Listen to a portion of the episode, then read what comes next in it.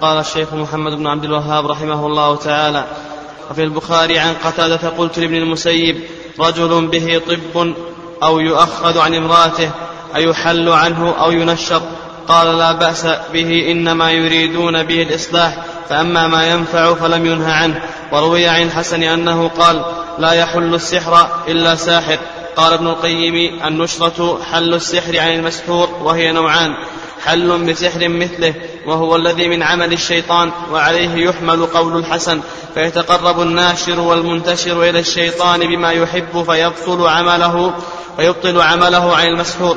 والثاني النشرة بالرقية والتعوذات والأدوية والدعوات المباحة فهذا جائز. بسم الله الرحمن الرحيم الحمد لله رب العالمين والصلاة والسلام على نبينا محمد وعلى آله وصحبه أجمعين.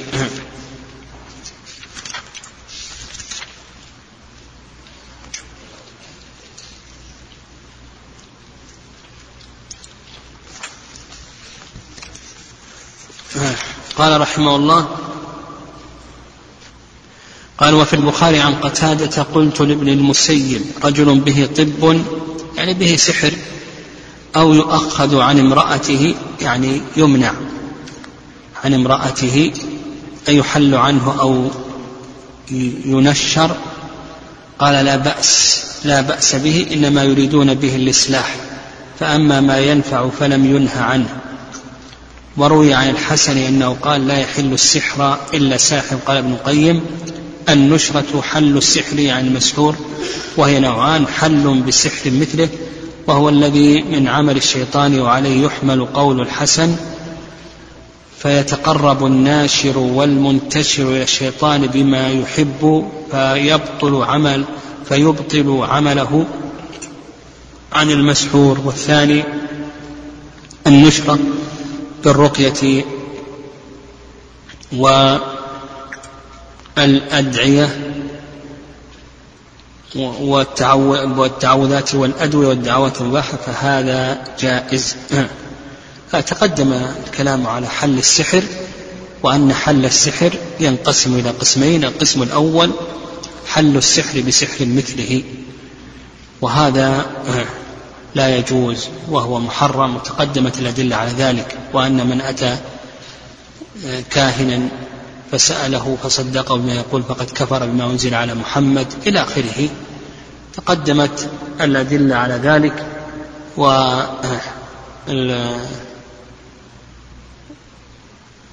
وأيضا لم تقبل له صلاة أربعين يوما ولأن الشيطان من الجن لا يخدم الإنس إلا بالكفر بالله عز وجل أو بالشرك إما بالسجود أو بالذبح أو بإهانة المصحف أو سب الله أو سب رسوله صلى الله عليه وسلم إلى آخره.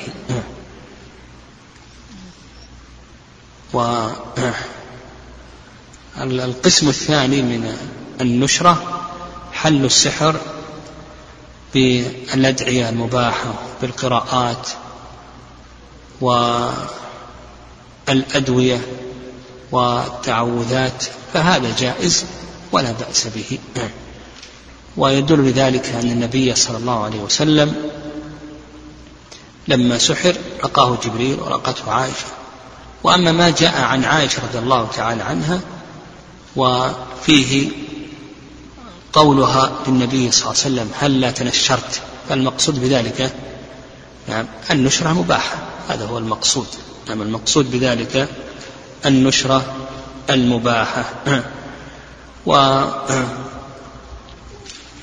وأيضا يعني ما جاء عن ابن المسيب رجل به طب أو يؤخذ عن امرأته يعني يمنع من جماعها فيحل عنه أو ينشر إلى آخره. فالمقصود بذلك يحمل كلام المسيب رحمه الله على المقصود أن أن المقصود به النشرة المباحة. يعني هذا الذي يظهر والله أعلم. قال رحمه الله تعالى باب ما جاء في التطير. التطير مصدر تطير يتطير والطيرة اسم مصدر من تطير طيرة. والتطير في اللغة التشاؤم وأما في الاصطلاح فهو التشاؤم بمرئي أو مسموع أو معلوم. التشاؤم بمرئي أو مسموع أو معلوم. وهذا التشاؤم سمي تطيرا لأن العرب كانوا يتشاءمون بالطير كثيرا كثيرا ما كانوا يتشاءمون بالطير فسمي هذا التشاؤم تطيرا. نعم ومناسبة هذا الباب لكتاب التوحيد أن من أقسام التطير ما هو شرك سواء كان شركا أكبر أو كان شركا أصغر فهذا مما ينافي أصل التوحيد أو ينافي كماله. يعني إما أن ينافي أصل التوحيد أو ينافي كماله. وأما مناسبته لما قبله فإتيان السحرة والكهنة إلى آخره. هذا كله من باب التعلق بالأمور الموهومة. ومثله أيضا التطير هذا من باب التعلق بالأمور الموهومة التي لا حقيقة لها. نعم. قال باب ما جاء في التطير وقول الله تعالى ألا إنما طائرهم عند الله ولكن أكثرهم لا يعلمون. ألا؟ أداة تنبيه. إنما أداة حصر طائرهم يعني ما قضي عليهم وقدر. نعم طائرهم ما قضي عليهم وقدر لهم عند الله. يعني إنما جاءهم الشؤم من قبله. عند الله إنما جاءهم الشؤم من قبله وبحكمه الكوني القدري بسبب كفرهم. يعني إنما جاءهم الشؤم عند الله من قبله وبحكمه سبحانه وتعالى الكوني القدري بسبب كفرهم وتكذيبهم لرسلهم. ألا إنما طائرهم عند الله ولكن أكثرهم لا يعلمون. عدم العلم هو الجهل. الجهل عدم العلم. نعم عدم العلم. فهذا وصف لهم بالجهالة. وقوله طائركم معكم. يعني حظكم طائركم حظكم وما أصابكم من شر معكم يعني بسبب أفعالكم. طائركم معكم يعني بسبب أفعالكم وكفركم ومخالفتكم آه لمن نصحكم. أئن, ذكرتم أئن ذكرتم أي من أجل أن ذكرناكم قابلتمونا بقولكم إنا طيرنا بكم أئن ذكرتم يعني من أجل أن ذكرناكم قابلتمونا بقولكم إنا تطيرنا بكم. مناسبة هاتين الآيتين يعني في الآية الأولى وفي الآية الثانية أن الله سبحانه وتعالى بين أن التطير أنه من عمل أهل الجاهلية. يعني في الآية الأولى ألا إنما طائرهم عند الله. هذا يدل على أنهم يتطيرون وأن التطير من عمل الجاهلية. وقالوا طائركم معكم أيضا. هذا التشاؤم أنه من عمل الجاهلية.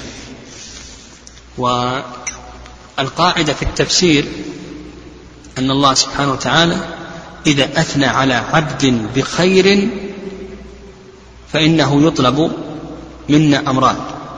الأمر الأول أن نحبه والأمر الثاني أن أن نقتدي به وأن نتابعه. في هذا الأمر في هذا الأمر الذي أثنى الله عز وجل عليه بالخيرية بسببه. لأن الله سبحانه وتعالى إنما أثنى عليه بالخير ومدحه إنما يريد منا أن نتابعه في هذا الأمر. وإذا أثنى الله عز وجل على عبد بالقرآن بشر فإنه يطلب منا أمران الأمر الأول أن نبغضه والأمر الثاني أن نتجانب هذا الفعل. نعم أن نتجانب هذا الفعل. والله سبحانه وتعالى وصف هؤلاء المشركين بأي شيء؟ بالتطيع. فهذا يطلب منا ماذا؟ يطلب منا أن نتجانب هذا العمل. نعم أن نتجانب هذا العمل.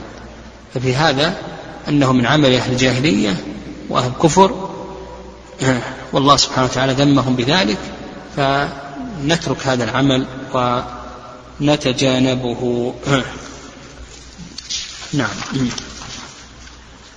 قال وعن أبي هريرة رضي الله عنه أن رسول الله صلى الله عليه وسلم قال لا عدوى. العدوى اسم من الإعداء وهو مجاوزة العلة من صاحبها إلى غيره. نعم مجاوزة العلة من صاحبها إلى غيره. وهنا قول النبي صلى الله عليه وسلم لا عدوى هل هو نفي لذات العدوى؟ أو يعني نفي للسبب أو نفي لذات العدوى. ها؟ العدوى سبب سبب لكن المقصود أنها لا تعدي بذاتها وإنما كل شيء بقضاء الله وقدره. فالذي نفاه النبي صلى الله عليه وسلم ما يعتقده أهل الجاهلية أن العدوى تسري بطبعها دون قضاء الله وقدره. يعني بذاتها تعدي. نعم والصحيح أنها لا تعدي بذاتها ولا تسري بطبعها وإنما كل شيء بقضاء الله وقدره. فهي سبب من الأسباب. لكن هذا السبب لا بد له من إذن الله الكوني القدري. فالذي نفاه أن تكون معدية بأي شيء بذاتها لم ينفي أن تكون سببا من الأسباب. لأن الواقع يدل لذلك وأنها سبب. يعني أنها سبب لا شك أنها سبب. ومحو الأسباب ها؟ قدح في أي شيء؟ في العقل لا شك. قال ولا طيرة. الطيرة هي التشاؤم. نعم الطيرة هي التشاؤم. تقدم تعريفها. قال ولا هامة. الهامة هي البومة. وكان العرب يتشاءمون بها فجاء الشرع بإبطال ذلك. ولا صفر أيضا. الصفر صفر قيل بأنه الشهر المعروف. وكان أهل الجاهلية يتشاءمون به في أي شيء؟ في الزواج. نعم صح. و وقيل بأنها أن صفر هذه حية تكون في البطن تصيب الماشية. نعم حية تكون في البطن تصيب الماشية. نعم قال ولا نوء وزاد مسلم ولا نوء النوء هو النجم. وسيأتينا إن شاء الله في باب التنجيم في باب التنجيم نعم. ولا غول الغول جنس من الجن والشياطين. يعني جنس من الجن والشياطين يزعمون أنها تظلهم الطريق. هذه الغول نعم يزعمون أنها تظلهم الطريق وتهلكهم. الشاهد من هذا أن الشارع نفى الطيرة نفى التشاؤم. التشاؤم هذا نفاه الشارع وأنه من باب التعلق بالأوهام. قال ولهما عن أنس قال قال رسول الله صلى الله عليه وسلم لا عدوى ولا طيرة ويعجبني الفأل يعني يعجبني يسرني وأستحسن الفأل. وفسر الفأل. قال قالوا وما الفأل؟ قال الكلمة الطيبة. نعم. الكلمة الطيبة. يعني أن يسمع الكلمة الطيبة فيستبشر ويستحسن لكنه لا يتشاءم ويترك. يعني الكلمة اللي يسمع التشاؤم أن يسمع الكلمة القبيحة ويترك كما يأتينا في أقسام التطير. نعم هنا الشاهد من هذا الحديث أن النبي صلى الله عليه وسلم نهى نفى الطيرة وأن الطيرة ليست من الأسباب. التي جاء الشرع بإثباتها أو دل الواقع على إثباتها التجربة والحس على أنها سبب. الطيرة ليست سببا. دل عليه الشرع وليست سببا أيضا. دل, دل له أي شيء؟ الحس والتجربة. وإنما هو تعلق بالموهوب. فجاء الشارع بإبطال هذا السبب بالكلية. قال ولأبي داود بسند صحيح عن عروة بن عامر قال ذكرت الطيرة عند رسول الله صلى الله عليه وسلم فقال أحسنها الفأل ولا ترد مسلما. فإذا رأى أحدكم ما يكره فليقل اللهم لا يأتي بالحسنات إلا أنت. نعم قول لا ترد مسلما بخلاف الكافر فإن الكفار نعم الكفار يتعلقون بالأشياء الموهومة. اللهم لا يأتي بالحسنات إلا أنت. نعم. والطيرة لا تأتي بالحسنات ولا تدفع السيئات. تقدم لنا أن الطيرة أنها ليست سببا صحيحا فهي ليست من الأسباب التي أثبتها الشارع وكذلك أيضا ليست من الأسباب التي أثبتتها التجربة والحس. نعم. آه، والواقع. قال ولا يدفع السيئات إلا أنت. نعم. آه. يعني المصائب الحسنات الخير من مال وصحة ونحو ذلك ولا يدفع السيئة المصائب والفقر إلى آخره ولا حول الحول هو التحول والانتقال من حال إلى حال ولا قوة يعني لا إعانة على ذلك إلا بك نعم إلا بك وحدك يا الله. المهم أنه هذا الحديث فيه ضعف يعني ذكره المؤلف رحمه الله.